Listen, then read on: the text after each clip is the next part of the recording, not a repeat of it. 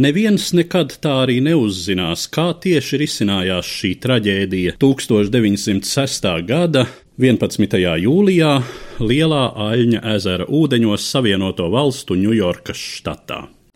Kā dziedāja tolaik atcerētā ziņģē, vien dievs un džilets to zina.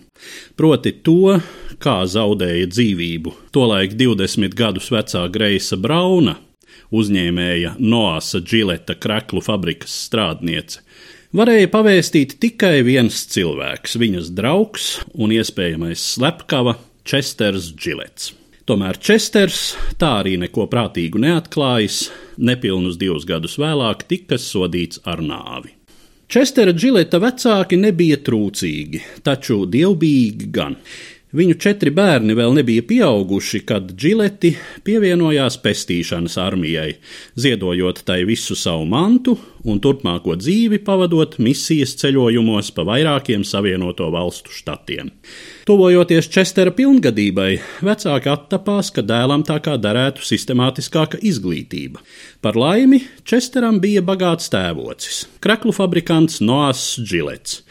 Viņš iekārtoja jauno radinieku diezgan prestižas koledžas sagatavošanas skolā. Česters mācījās diezgan labi, bet bez mazākā entuziasma, un pēc pāris gadiem skolu pameta. Tad tēvocis Noas pieņēma viņu par zemākā līmeņa vadītāju savā uzņēmumā. Šeit, Džileta kreklu fabrikā Kortlendas pilsētā, Česters arī sastapa Greisu Braunu. Greisas tēvs bija diezgan veiksmīgs fermeris turpat Ņujorkas štatā, taču iztiku pilsētā meitai pamatā nācās nopelnīt pašai.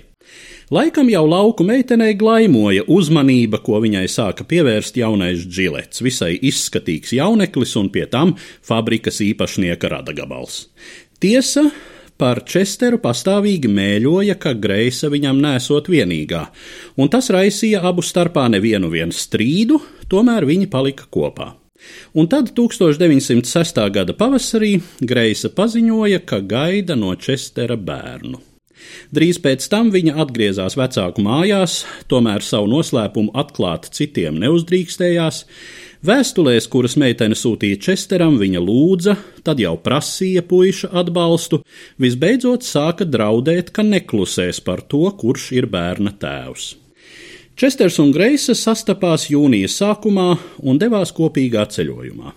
Nav zināms, vai Česters apsolīja ceļojuma laikā salauzties vai tikai nogādāt Greisu patversmē neprecētām mātēm.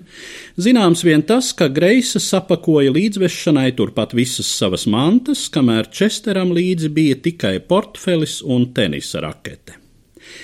Abi ieradās atpūtnieku iecienītajā Edirondeku kalnu rajonā, kur 11. jūlija rītā noīrēja airu laivu braucienam pa ezeru. Vakarā viņi neatgriezās. Laivu atrada otrā dienā apgāzušos peldam ezerā, un jau drīz pēc tam no ezera izcēla arī greisas braunas līķi.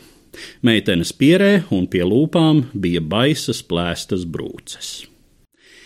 Ja Česters Džilets bija slepkava, tad ļoti neuzmanīgs. Brauciena laikā viņš gan reģistrējās viesnīcās ar izdomātiem vārdiem, bet lietoja piemēram savu īsto vārdu veļas mazgātavai uzrādītā adresē.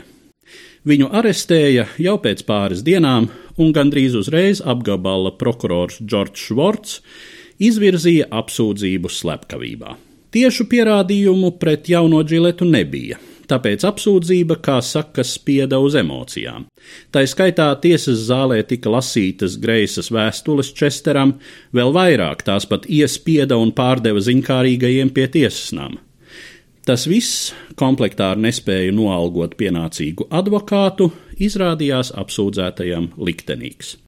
Arī apelācija tika noraidīta, un 1908. gada martā Česters Džilets beidza savu dzīvi elektriskajā krēslā.